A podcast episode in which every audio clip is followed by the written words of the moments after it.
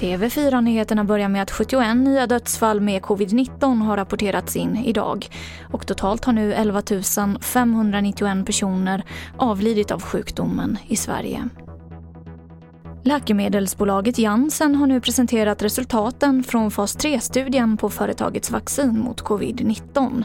Preparatet har en effektivitet på 66 procent, vilket är lägre än vad andra bolag redovisat.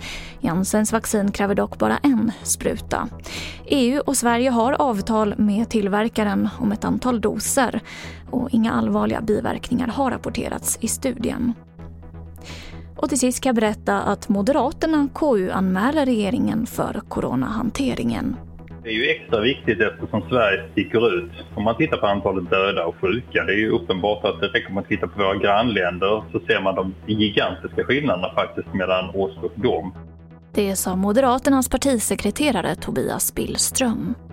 Och det var det senaste från TV4 Nyheterna. Jag heter Emily Olsson.